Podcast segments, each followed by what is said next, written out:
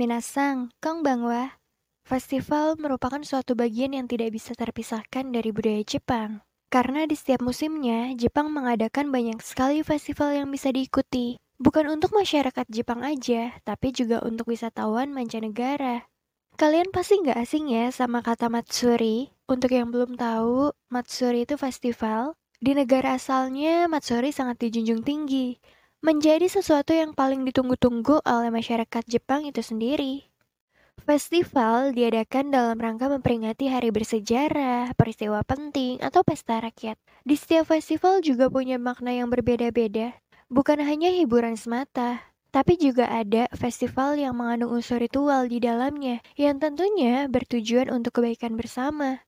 Satu hal yang hampir selalu ada dalam Matsuri itu adanya prosesi arak-arakan. Jadi pasti ada kuil for table itu namanya mikoshi diarak keliling kota dengan cara ditandu atau ditarik kendaraan beroda. Kendaraan itu namanya dashi.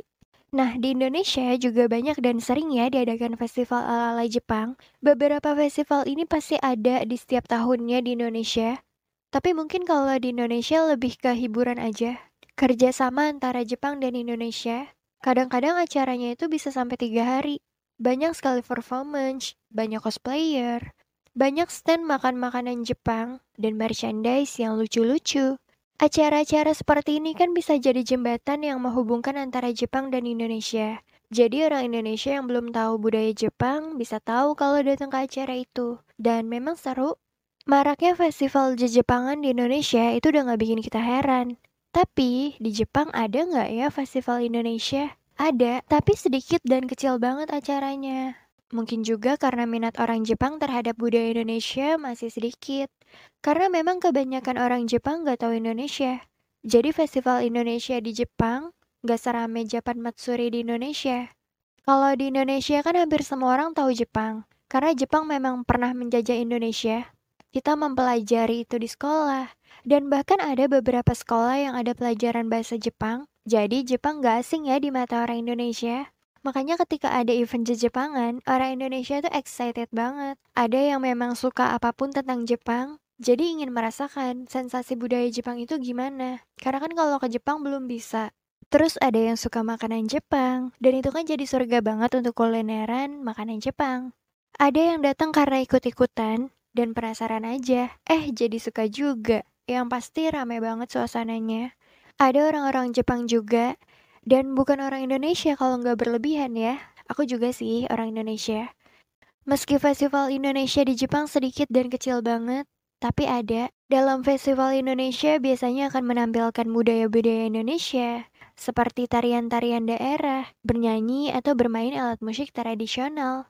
Ada juga stand makan makanan Indonesia, seperti soto, rendang, pisang goreng, ayam goreng, kue-kue jajanan pasar, kerajinan, dan cindera mata khas Indonesia.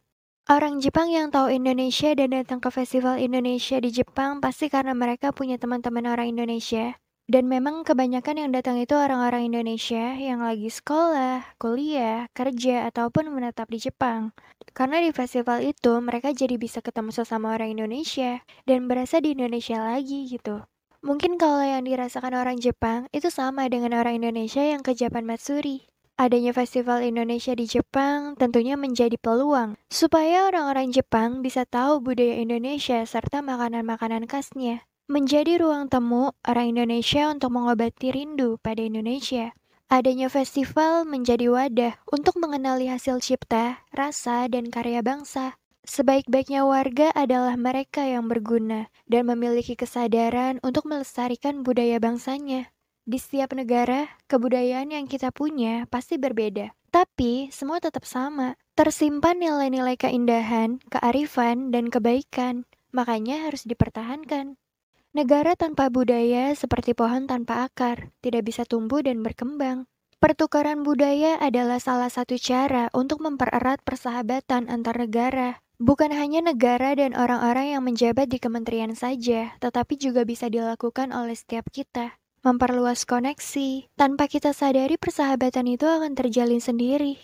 Setiap negeri punya ciri, menjadi identitas bangsa itu sendiri. Walau beda generasi, semua tetap satu tujuan, berupaya memperkenalkan negara asalnya agar lebih bisa dikenal dunia. Karena budaya adalah sesuatu yang berharga dan harus dijaga bersama-sama.